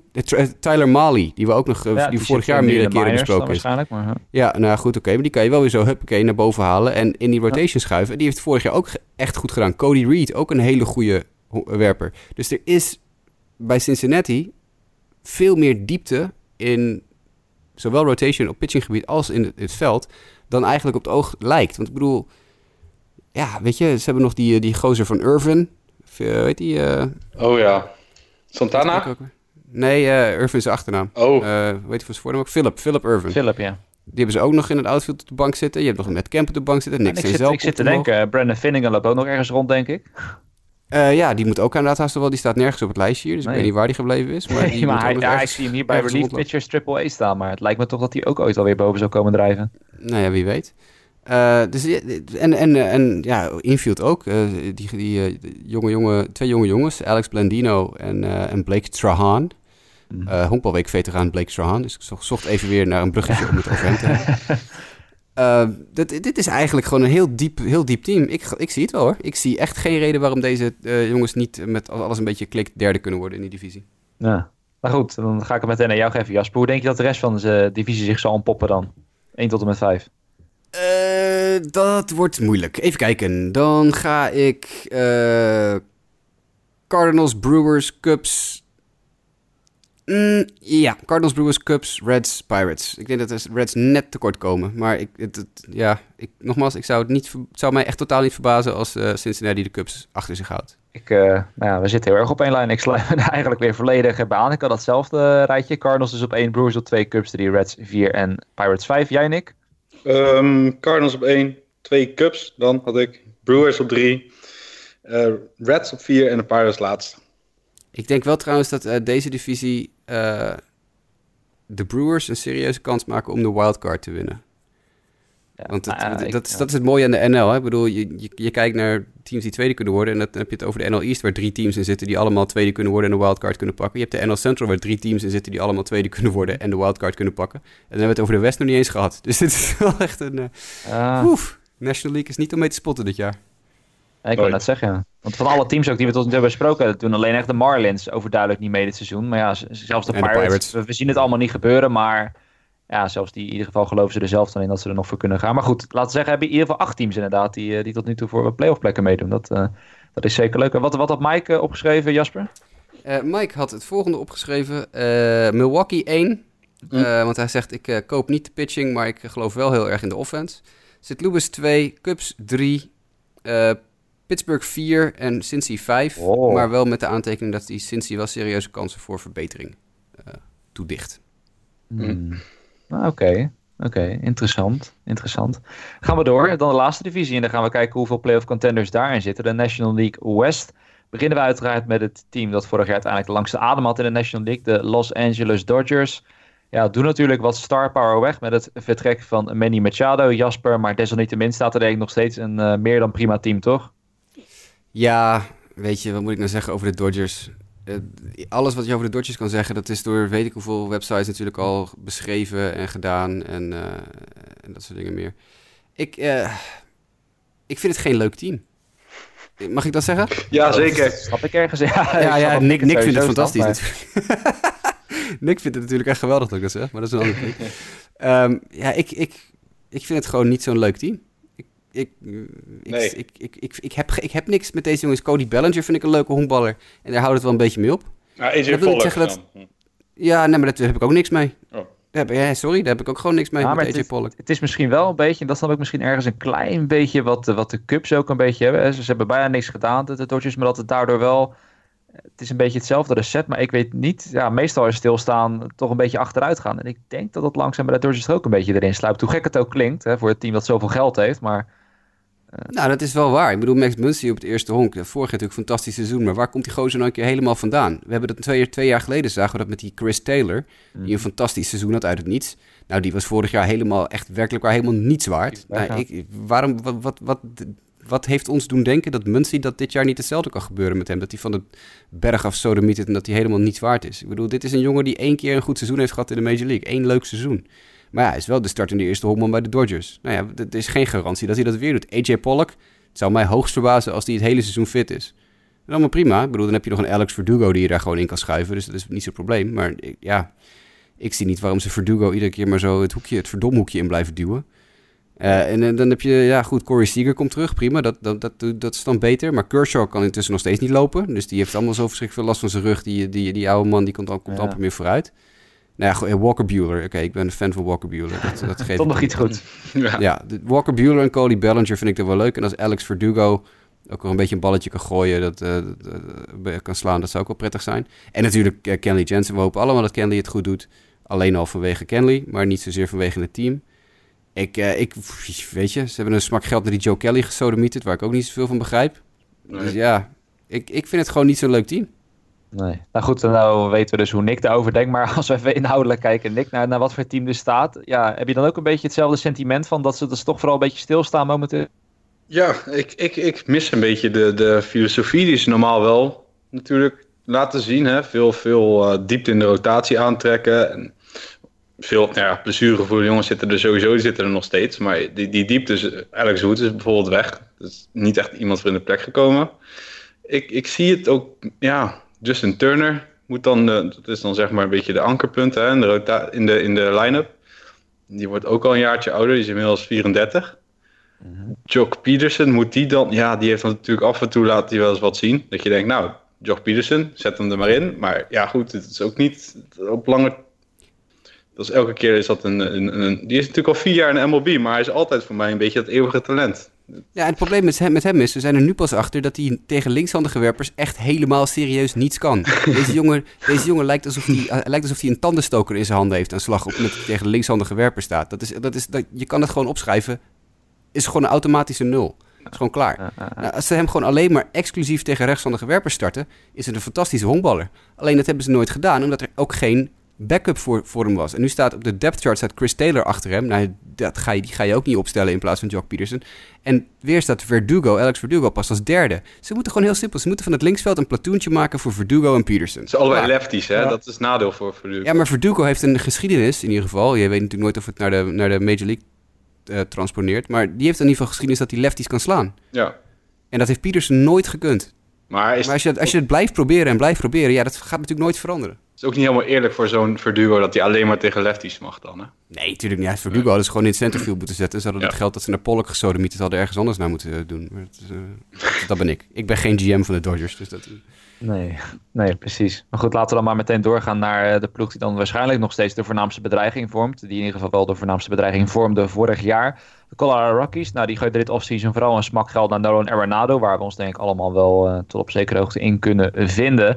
En die toch ook wel, Nick, met een ja, redelijk hetzelfde team weer eh, op het veld gaan verschijnen komend seizoen. Eh, ja, hoe schat jij dan de kansen van de Rockies in voor komend seizoen? Ondanks dat het team in grotendeels hetzelfde is. Hoog. Ik denk, ik, ik zie het wel gebeuren voor de Rockies dit jaar. Die hebben echt... Als een Trevor Story en David Dahl, als dat allemaal fit blijft, dan denk ik toch dat ze echt een best wel diepe, eh, line-up hebben. Ronaldo en Blackman natuurlijk als twee toppers daarin. Hebben ze best wel interessant iets gedaan natuurlijk, Daniel Murphy. Ja, dat is wel zo. Uh, en dan die, die, ik denk dat die rotatie, dat wordt een toprotatie. Ondanks dat ze op course moeten pitchen natuurlijk, de helft van de wedstrijden. Maar Jeremy Marquez, Cal Freeland, John Grace had ook weer fantastische gooien, las ik in spring training. Ja, ik zie dat wel gebeuren voor ze. Ik denk dat de Rockies toch... Uh, ja, ik, ik dicht ze goede kansen toe om dit jaar die divisie te pakken. En Nolan Arenado was natuurlijk een gouden move om dat te doen.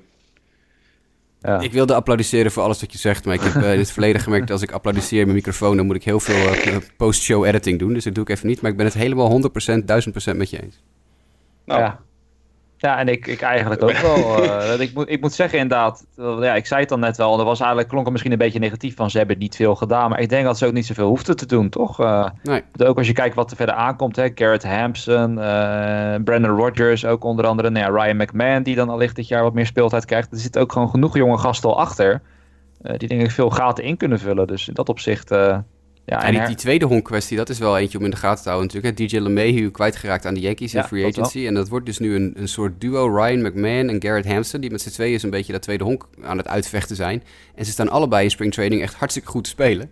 Dus het is, eh, waarschijnlijk gaat Hampson de, de, de eerste ja, voorkeur krijgen... omdat hij gewoon defensief op het tweede honk veel beter is. Want McMahon is eigenlijk gewoon geen tweede honkman. Het is eigenlijk een eerste honkman, derde honkman. Uh, en Hampson is al zijn hele leven lang een, eh, een, een up-the-middle infielder. Tweede honk, mm korte stop. Dus ik denk dat Hampson uiteindelijk, zeker hoe goed hij staat te honkballen dit, uh, deze springtraining, dat hij de voorkeur gaat krijgen boven McMahon.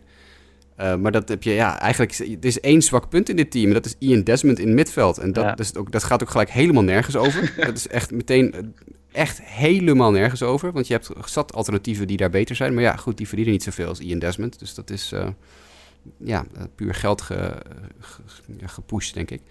Maar met die hele sterke bullpen, hè, met, uh, met Shaw en, en, en, Mike Dunn en McGee, Scott Oberg, die vorig jaar echt geweldig was, uh, Someone O, Wade Davis. Dit, zijn echt, dit is een uh, beesten bullpen. En inderdaad, ik geloof ook heel erg in Herman Marquez en Kyle Freeland. Het lijkt me echt fantastisch om die jongens een heel jaar bezig te zien. Dus ja hoor, plus plus, Colorado Rockies. Ja. Kom maar door. Ja, nou, we gaan dan door met de Arizona Diamondbacks. Vorig jaar derde waren de, de voorgaande jaren vaak de voornaamste concurrent van was wel een beetje terug. En deed daardoor, ja, waarschijnlijk mee door die terugval, uiteindelijk Paul Goldsmith van de hand. Besluit toch een wat andere koers in te gaan. Maar toch, ja, van een echte rebuild kunnen we denk ik nog niet spreken, Jasper. Want uiteindelijk, uh, ja, er staat denk ik tot nog wel steeds een team wat capabel is. De vraag is alleen, is het capabel genoeg om mee te doen? Ja, het antwoord daarop is nee. Maar het, uh, dit is, ja, het is wel een team waar, waar nog inderdaad voldoende toekomst tussen aanleidingstekens in zit. Dat je niet meteen denkt van oké, dit is een full-blown Miami Marlins fire sale waardige uh, collectief aan, aan sporters. Weet je is, wel? is het dan eerder een beetje zo'n Pittsburgh situatie, denk je? Of? Ik vind de Diamondbacks beter dan Pittsburgh. Die zijn verder en beter gerund over het algemeen dan Pittsburgh. Uh, gewoon een, een heel solide outfield. Steven Souza en David Peralta. Mm. Ik weet niet of David Peralta zo goed zal zijn als vorig jaar, maar ja, dat is wel echt een breakout seizoen in, in 2018. Uh, Ketel Marte, die wordt overal getipt als, uh, als breakout kandidaat in, uh, in dit jaar. Omdat hij nu voor, voor het eerst fulltime centerfield ingaat. ja, geen power, maar wel heel snel. Dus dat is, daar is dan misschien wat, wat defensief aan te winnen. Um, ja, het infield, dat is het enige waar ze behoorlijk wat ingeleverd hebben natuurlijk met Goldschmidt. En ja, ik weet niet of het nou de rest van het, het, het, het rest van het infield met, uh, of dat nou, wat is het, Eduardo Escobar op drie, Nick Ahmed op kort, Wilmer Flores, nieuw overgekomen op twee. Ja. En, uh, en Jake Lamb nu op één. Ik weet niet of dat nou een infield is waar iedereen heel erg, uh, erg bang voor wordt. En dat is ook precies waar ze de slag missen. Want dit zijn allemaal capabele spelers, zoals je zelf ook terecht zet. Dit is een capabel team. Alleen dit is niet een goed team. En dat is een beetje het probleem. Ze hebben gewoon nergens, uh, zeker nu Goldschmidt weg is, nergens meer echt spelers die er bovenuit springen in hun, uh, in hun kunde. Carson Kelly, de nieuwe catcher die over is gekomen van de Cardinals in de Goldsmith tra trades, mm. die zit achter Avila, eh, Alex Avila op de bank als tweede catcher waarschijnlijk. Dat, die zou nog wel een keer ja, wat kunnen gaan doen als Avila inderdaad uit, ja, uit elkaar valt. Want dat gaat gebeuren natuurlijk. Uh, en dan heb je nog natuurlijk de rotation met Grinky, Godley, Robbie Ray, Luke Weaver en uh, ja, alles wat er achteraan zit. Want er zit nog een combinatie van, ik geloof Matt Andrews kan er nog heen en die, uh, die Kelly kan er nog gooien, noem maar op. Um, ja, dat is op zich niet slecht. Weet je, dat Granky, Godley, Ray en Weaver, dat is geen slechte top 4. Nee. Dus die rotation, dat is, dat is nog wel oké. Okay. Bullpen is een beetje meh. Ja, ik wil ja, net zeggen. Dit is een capabel team, maar meer is het niet. Ja, en met Luke Weaver denk ik vooral hopen dat hij zijn niveau van, van twee jaar geleden haalt. Vorig jaar was het toch met heel wat vallen opstaan in die Cardinals rotatie. Merrill Kelly, inderdaad, ik, ik weet er vrij weinig van, maar die is dan inderdaad overgekomen uit, uit Zuid-Korea, waar hij het schijnbaar weer helemaal heeft opgepikt. En verder, ja, inderdaad in die bullpen. Want dan is het bijvoorbeeld ook de vraag: kan Craig Holland er nog wat van? Uh, het is natuurlijk een dramatisch eerste seizoen zelf. In het tweede seizoen zelf wist hij taai aardig te keren. Maar ja, heb je toch ook alweer het idee dat het elk moment fout kan gaan? Ja, Nick, uh, zit jij een beetje in dezelfde hoek? Of denk je dat de Diamondbacks wel echt een bedreiging kunnen vormen? Nee, ik denk echt. Uh, ik, hoop, ik zit een beetje te kijken naar Jake Lamb. Vind ik nog wel een interessante speler. Zeker tegen righties. Uh, ja, en dan die rotatie, dat is leuk. Maar dat denk ik dat het eerder trade bait zal zijn. Uh, Zo'n Cranky niet. Dat heeft natuurlijk zo'n ongelooflijk contract. Daar kom je nooit meer vanaf. Nee. Dan is Robbie Ray, Godley en Weaver is wel interessant. Daar kan je in principe nog een mooie rebuild mee starten. Ik denk dat echt dat zij in de aanloop zijn naar... Uh, zeker als je kijkt naar wat andere teams in deze divisie aan het doen zijn. De Padres en de Dodgers. En de Rockies natuurlijk. Dus dan, beetje, ik, ja. ja. weet je, ik, ik vind de Arizona Diamondbacks een beetje het ja, hoe kunnen we dat zeggen zonder mensen te beledigen? Het is, het is niet beledigend bedoeld, maar een beetje het, het, uh, het Heerenveen of het FC Groningen van de Major League. Weet je wel, gewoon, gewoon te goed voor, de, voor de, de, de, de onderkant. Niet goed genoeg om bij de top aan te haken, maar gewoon een, iemand die, een team dat de middenmoot kan aanvoeren, zullen we zeggen. Ja. Beetje Heracles Almelo. Het is maar goed dat Mike er niet bij is, terwijl je dit zegt. Het is een goede ja. podcast om wat te zeggen. Ja, dat is wel waar. Ja. Maar goed, het volgende team dan. En dan uh, ga ik het geheel aan Nick geven om toch nog wat positieve puntjes hier, uh, hieruit te halen. Namelijk de San Francisco Giants. Uh, ja, begonnen vorig jaar toch met enigszins goede hoop aan het seizoen. Eindigde uiteindelijk vierde. Op flinke afstand van onder andere de Dodgers en de Rockies. Er was toen even het gerucht dat Bryce Harper misschien kwam. Kwam uiteindelijk niet. Desalniettemin, Nick. Ehm, ja, is er nog hoop voor de San Francisco Faithful komend seizoen? Nee, dat niet. Er is geen hoop dat ze het ineens beter gaan doen, dat het altijd wat gaat worden dit jaar. Dat merk je ook wel aan de hele, hele Giants Twitter, zoals dat zo mooi heet dan. Hè? Maar er zijn altijd een paar leuke punten. Kijk, het nieuwe GM van Hans Sahidi, die overgekomen is van de Dodgers, die heeft wel wat interessante dingen gedaan. Waar we altijd eigenlijk eerst veteranen aantrokken met lange contracten, gek geld. Heeft hij nou een paar uh, veteranen aangetrokken voor weinig geld en kort. Dus dan ga je zeg maar een soort bruggetje bouwen naar al die oude contracten die dan af moeten lopen. Hè, zoals een uh, Brandon Belt en uh, Brandon Crawford. Allemaal contracten. Buster Posey is zichzelf al een tijdje niet meer geweest. Um, nou, in die rotatie hebben we natuurlijk uh, gekke contracten voor Jeff Samardzija en Johnny Cueto. Die een keer afgelopen zijn. Daar is het nou natuurlijk even wachten op. Ze hebben wel een hele sterke bullpen, vind ik zelf. Will Smith, Mark Malenken, Tony Watson, Sam Dyson en Rice Maronta. Dat is echt interessant. Daar, daar zullen de Giants ook op gaan letten. En dan ja, in de rotatie hebben ze Drew Pomeranz uh, aangetrokken. Dat vind ik wel een interessante. Die heeft natuurlijk eigenlijk vorig jaar dramatisch, maar daarvoor altijd wel aardig gedaan. Hè? De, de Boston Red Sox hebben toen aardig wat opgegeven om hem te halen van de Padres. Nou, zo prove it contract. Ik, ik zie met Drew Pomeranz zie ik het nog wel uh, zonnig in. Dat is wel iets waar ik op gelet dit jaar bij de Giants. En verder denk ik gewoon uh, dat ze laatste zullen worden helaas. Ik zocht een, een eredivisie voetbal ja, vergelijking ook hier. Ah, nee. Maar ik, ik vond het moeilijk. Ik, ik wou eigenlijk zeggen, dit is een beetje het NAC Breda van de Major League. Namelijk uh, veel grote namen, of althans hè, die samenwerking van NAC met Manchester City levert nog wel eens wat hoop op. Van hé, hey, we krijgen er weer drie van Manchester City. En dat schiet dan weer helemaal niet op.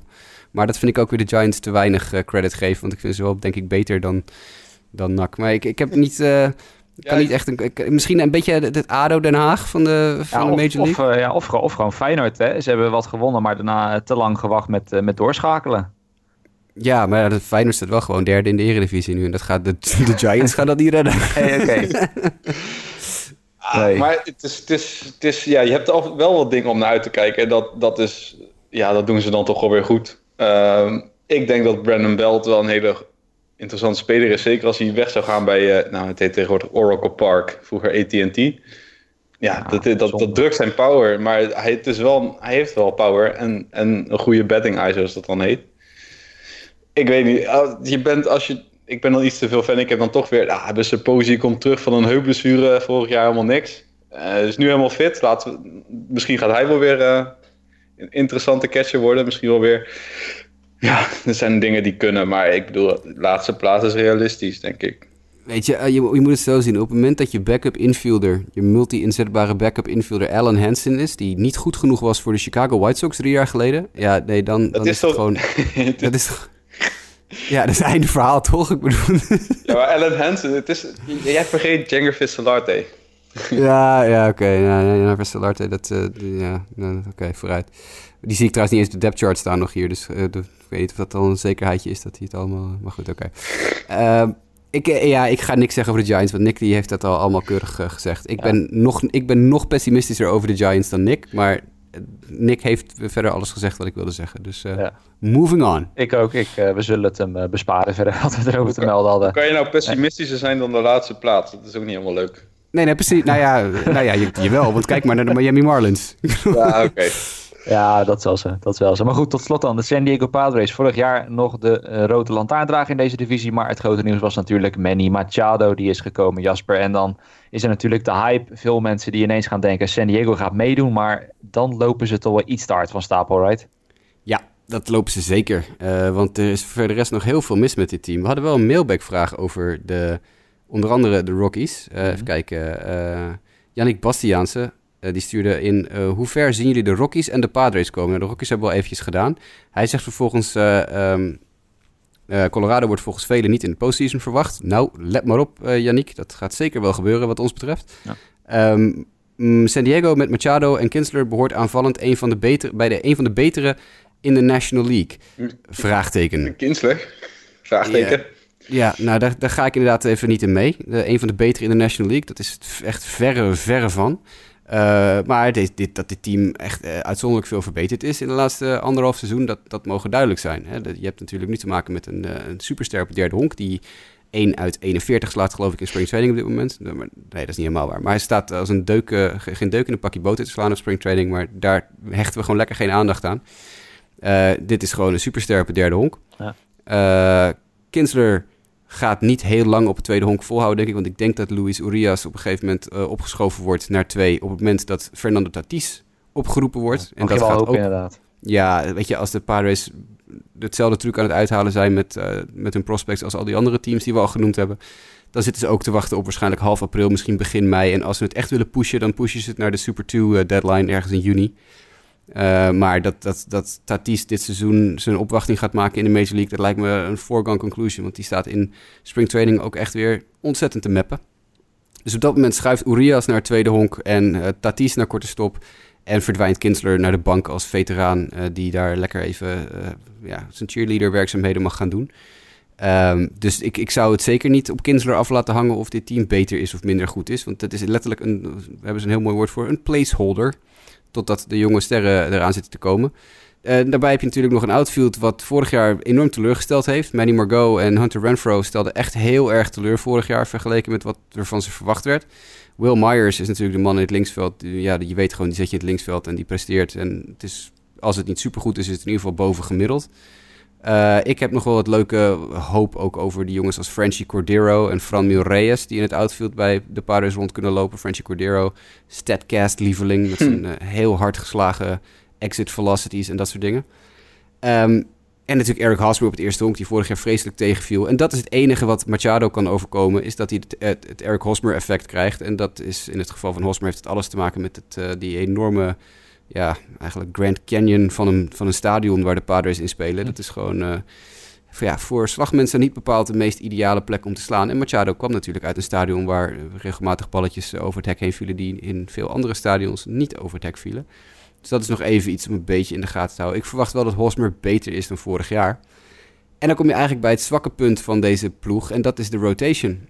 Want hmm. deze rotation, die, die, die ontbreekt, ontbreekt elke vorm van ervaring elke vorm van uh, een werper die al jaren op dit niveau uh, gooit, die weet wat hij moet doen, die die jonge jongens kan helpen uh, hun plek te vinden in, in de Major League. Want deze rotation wordt gewoon aangevoerd door Joey Lucchesi, Eric Lauer, Chris Paddock, Matt Strom. En dit zijn allemaal jongens van, ik geloof, onder de 25 zo ongeveer. Ja, ja, stuk voor stuk leuke werpers hoor. Want ik, ik ben een groot liefhebber van Joey Lucchesi. Uh, geloof al heel erg uh, vanaf zijn draft, vanaf voor zijn draft al in Eric Lauer zelfs. Die een fantastische uh, college geschiedenis had. Chris Paddock is mijn, mijn dark horse super breakout van dit jaar. Want die staat echt ongelooflijk goed te gooien in spring training. En dat is echt eentje die ik, ja, waar ik mijn oog op heb. En ja, de rest van die rotation dus bestaat uit jongens waar je wat minder mee hebt misschien. Robbie Erlin loopt er ook nog tussen, geloof ik. En de bullpen is er ook niet bepaald om over naar huis te schrijven. Dus het is gewoon, de pitching is het probleem. De aanval, zeker als Tatis opgeroepen wordt, is, is denk ik minder erg het probleem.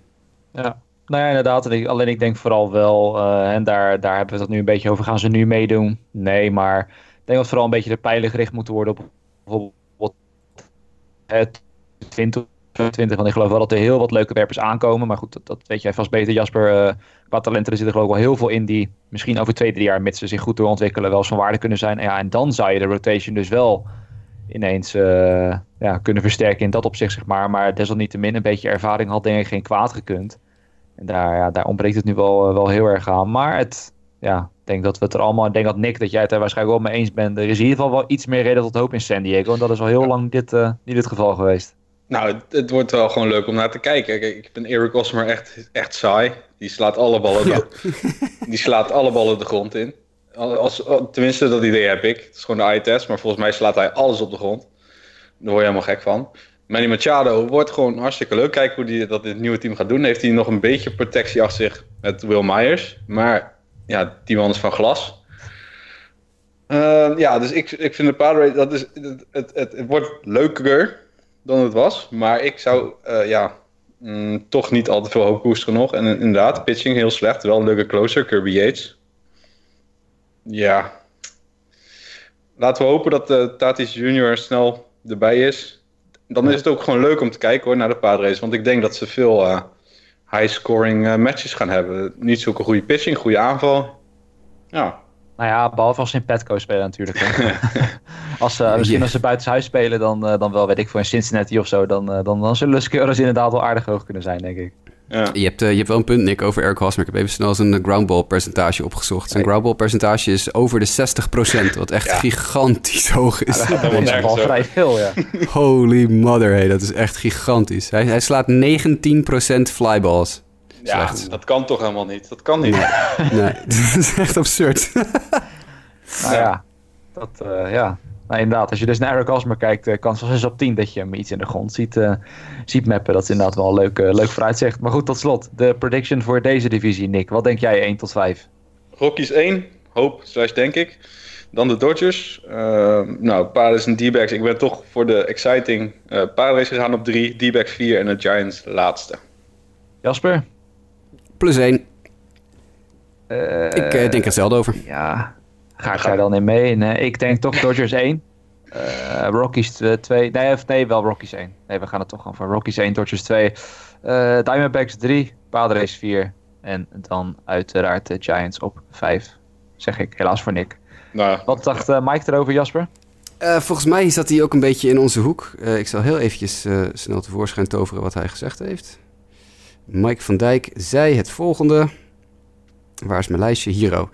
Uh, ik moest een stukje doorscrollen. Oh, hij zei uh, Dodgers 1, Colorado 2, Arizona 3, Padres 4, Giants 5.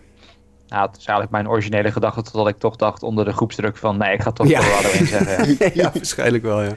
Ja, nou, de, de, argumenten over en weer hebben mij overtuigd. Ze laten het zomaar, uh, zomaar verwoorden. Maar goed, dan hebben we dus inderdaad alle divisies een beetje doorgenomen. Laten we tot slot nog even eh, naar de way, way, way too early predictions gaan wat betreft awards. Dus uh, Cy Young, MVP, Rookie of the Year... Uh, nou ja, waar dan waarschijnlijk wat namen uitkomen rollen die uiteindelijk totaal geen kans op maken. Uh, we hebben het vaak mee over Rookie of the Year, waar het toch wel een stuk lastiger is om te voorzien wat er, wat er gaat gebeuren. Maar we gaan het Behalve vorig jaar. Vorig jaar was het makkie, weet je nog? Hadden we allemaal goed. Ronald Acuna. Ja, precies. Het is ook wel het jaar. Het, het, ene jaar is makkelijker dan het, dan het andere wat dat betreft. Laten we dan bij deze weer beginnen met Rookie of the Year. Uh, Jasper, wie, wie tip jij daarvoor in de National League? Uh, nou, ik heb een, een shortlist gemaakt van zes spelers.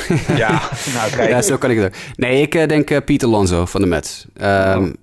okay. ik, die heeft het meeste kans om het meeste een impact te maken. Als hij het niet wordt, wordt het Victor Robles misschien van de Nationals. Want die twee die, die hebben in ieder geval een kans om heel snel al in het seizoen opgeroepen te worden. Ja, kijk, Fernando Tatis ook natuurlijk altijd een kans hebben, maar ik weet niet of die vroeg genoeg opgeroepen wordt om een serieuze kans te maken in de National League. Dus dat, dat soort spelers, dat soort problemen krijg je natuurlijk ook vaak. En ik kies over het algemeen geen pitchers voor Rookie of the Year. Dus daar, dan vallen jongens als Chris Paddock en Kyle Wright en zo al af. Maar ik zou zeggen, ja, Pieter Alonso uh, is, is denk ik uh, een, een serieuze kanshebber voor Rookie of the Year. En ik hou Victor Robles in mijn achterzak als uh, told so. Ja, nou goed, dat, laat ik dan anders maar op aansluiten. Want mijn, mijn shortlist, of tenminste mijn twee namen waren Victor Robles en Nick Senzel dan. ik zet dan toch Robles op één, omdat daar dan meer de zekerheid lijkt dat hij vanaf het begin waarschijnlijk de meeste at-bats gaat krijgen. Van een beetje alle kanshebbers, zeg maar. Uh, maar Nick Senzel, als die eenmaal in centerfield komt te staan en eenmaal bij de Reds aan slag gaat komen, dan lijkt me dat ook een hele leuke kandidaat. Maar die hou ik dan dus in mijn spreekwoordelijke achterzak als. Ik. Wie tip jij ervoor? Ja, nou, opnieuw is het gras wel een beetje. Ja, jij hebt Sorry, jij mag het volgende als eerste doen. Nee, nee, nee. Je hebt natuurlijk. Ja, dat zijn natuurlijk namelijk. Ik had Piet Alonso, Victor Robles en Tatis. En dan als Dark Horse nog een beetje Tuki Toussaint. Dat vind ik een hele interessante rapper van de Braves. Dat vindt uh, Mike ook trouwens, want die uh, heeft Tuki Toussaint voorspeld. Ah, ja, nou dan zijn we het eens. Maar ik vind pitches altijd interessant. En dat komt ook, die winnen, die winnen niet zo vaak volgens mij, ook of die van mijn gevoel. Vorig jaar gewoon kijken dat uh, Flaherty op Julerm had verdiend. Nee man, Acuna, kom op. Ah. niemand, niemand kon tippen aan Acuna vorig jaar. Oké. Okay. Okay. Maar inderdaad, ja, Flaherty had wel, had wel een goed seizoen. Nou goed, gaan we door naar de Most Valuable Player Race dan. Nick, en dan geef ik dit keer als eerste aan jou de eer. Mag jij het gast dit keer gaan maaien voor iedereen's voeten? Wie zie jij daar als de, de grootste kanshebber slash kanshebbers? Ja, het, het, leuke met MVP, dat natuurlijk vaak wordt gekeken naar wie maakt nou echt een, een, een indruk op zijn team. En dan kunnen we dit jaar gewoon kiezen uit drie jongens die bij een team zijn aangesloten. Ik denk ook dat het tussen deze drie zal gaan. Manny Machado, Bryce Harper en Goldschmidt. En dan net welk team het best gaat presteren. En dan ik hoop een beetje op Paul Goldschmidt eigenlijk, MVP. Hmm. Jasper? Hey, ik heb geen van die drie in de buurt van de top 5. eh, maar ik vind het wel heel uh, te waarderen hoor. Maar uh, ik, ik zal Harper zie ik nog wel gebeuren misschien eventueel. Maar ik, nee, ik ga gewoon heel saai. Ik ga voor de repeat van vorig jaar. Ik denk dat Christian Yelich te belangrijk is voor de Brewers. Ik denk dat de Brewers weer goed mee gaan doen dit jaar. En ik denk dat Yelich ja, gewoon weer een tweede seizoen... Ik zie geen enkele reden waarom hij niet gewoon het seizoen van vorig jaar kan dupliceren en zijn team in de race kan houden. Dus doe mij Christian Yelich maar. Ja, dan ga ik, nou ja, laten we maar voor een bold prediction gaan. Het, het gaat 99% zeker dat het niet gaat gebeuren, maar ik zeg Yasiel Puig. dat zeg ik. Mooi, vind ik mooi. Ja, dat zeg ik gewoon om de reden. Ik bedoel, hij zit in bij Cincinnati, er is wat hype omheen en ook, het is geloof ik ook zijn contractjaar, om het zo maar te zeggen. En ik denk dat Yasiel Puig wel iemand is die daardoor wel echt extra getriggerd kan, uh, kan worden. Het is zijn laatste seizoen nog even zijn waarde bewijzen. Toch laten zien dat hij uh, bij de grote jongens hoort. En het denkt dat het park, hè, het Great American Ballpark, wat niet zo heel erg great is als dat de naam doet vermoeden. Of groot dan, hè, als we het even naar Nederlands vertalen. Uh, denk ik dat hij daar best wel goede statistieken kan neerzetten. En dat hij dan dus, ja, als hij inderdaad heel veel invloed heeft op de Reds. En ze misschien naar een derde plek en zelfs in contention kan helpen. dat hij zomaar MVP kan worden. Dit is uh, Robert Gezelman 2.0. Ik vind hem wel heel leuk. Ja, nou ja hij, uh, we zullen zien na het einde van het jaar wie er gaat lachen. ja, zeker weten. Justin Kevenaar uit de bocht, dit. Uh... Ja, ik, ik hou er wel van hoor. En, en, en onze goede vriend Mike, die ging ook een beetje uit de bocht, want die ging voor Reese Hoskins. Wie? kijk. Dat vind ik ook wel een leuke. Ja, Reese Hoskins. Dat leuke dingen. Kunnen aan het einde van het jaar weer mooi kijken wie er het verst, uh, het verst naast zat. Maar goed, gaan we naar de laatste. Cy Young Award. Jasper, wie tip jij daarvoor? Ja, het is altijd makkelijk om in, te koppen in de National League. Is, uh, Max Scherzer is altijd uh, voor mij de kandidaat. Hoewel ik wel ook denk dat Syndergaard dit jaar het misschien eindelijk weer een keer voor elkaar gaat boksen. Maar ik doe mij maar Max Scherzer. Nou, jij, Nick? Ik heb Scherzer natuurlijk op de lijst staan, maar ik hoop... En ja, dit is ook wel... Top 5, daar gaat in ieder geval, tenminste hoop ik bij horen... Uh, Walker Bueller, Jack Flaherty mm. en Herman Marquez. Ja, en dat zou, dat zou echt wel leuk zijn. Drie jonge werpers ja, dat is een blessure van, van Max Scherzer voor nodig waar je niet op hoopt. Maar een race tussen die drie zou echt interessant zijn. Ja, ja. ja, ik, ja dat, zou, uh, dat zou voor honkbal ook echt fantastisch zijn. Ja. Als die drie gasten, ja, zeker. Ja. Nou, ik zei ja, denk ik, ik wilde ook Scherzer zeggen. Maar uh, laten we dan, uh, ik noem Jacob de Grom. Uh, mm. En ik moet dan zeggen, ik, ik vermoed wel weer dat het Scherzer wordt, maar dan toch Jacob de Gram. En had, wat Nick net zei, Herman Marquez. Dat, dat is dan denk ik vooral het feit dat hij op Coors Field moet, uh, moet pitchen een paar keer per jaar, dat dat hem dan waarschijnlijk parten gaat spelen. Maar ja, als hij zijn ontwikkeling van vorig jaar kan, uh, kan voorzetten, dan wordt dat wel een, een hele leuke speler. Ik denk wel niet dat hij hier voor een aanmerking komt, maar ja, het is hier wel een naam die denk ik verdient om even genoemd te worden. Zelfs bij een eventuele Cy Young Award voor aan het einde van dit seizoen. Mike gaat ook voor Scherzer. Ja, dat is dan weer safe. Daar gingen we iets minder ver uit de bocht. Ja. Maar goed, Jasper, ik kijk dan nog even naar jou. Hadden we verder nog iets in de mailbag zitten of was dat het dan? Ja, er was nog iets in de mailbag. Ik geloof van. Uh, moet even kijken of we dat overgeslagen hebben of dat het nog kan. Uh, nee, ja, Sander Gasman vroeg uh, of we Rookie of the Year voorspellingen wilden doen. Ah. Nou, dat, dat, dat hebben we gedaan. Ja. Van welke rookie verwachten wij het meest? Nou, dat hebben we denk ik wel al pratenderwijs een beetje besproken. Mm. En nee, dat was het wel zo'n beetje. Dat, we hebben geen mailbag dingen meer. Nou, mooi. Dus wat dat betreft, hopelijk is iedereen van onze luisteraars dan bijgepraat over de National League. Want zoals gezegd, het seizoen komt steeds dichterbij. En ik moet ook zeggen, ook als je dit soort teams dan bespreekt, en met uitzondering van een paar teams, Marlins bijvoorbeeld, krijg je er misschien soms weer minder veel zin in. Maar bij de rest van de teams, er is overal wel wat te vinden, overal wel een storyline te vinden, waardoor je weer uitkijkt naar het, naar het nieuwe seizoen wat dat betreft. En in de volgende aflevering gaan we dus vooruitblikken naar de American League.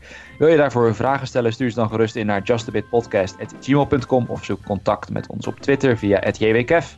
Voor mezelf, mdijk90 voor Mike, Jasper Roos voor Jasper of Nick D voor Nick Lessie. Het kan ook via Sportamerika of facebook.com slash sportamerika. En gedurende de komende dagen komen er ook nog steeds de 30 in 30 artikelen op onze website, waarin je ook alles kan lezen over de teams die komend seizoen in de MLB zijn te bewonderen. Jasper bedankt, Nick bedankt, luisteraars bedankt en graag tot de volgende keer.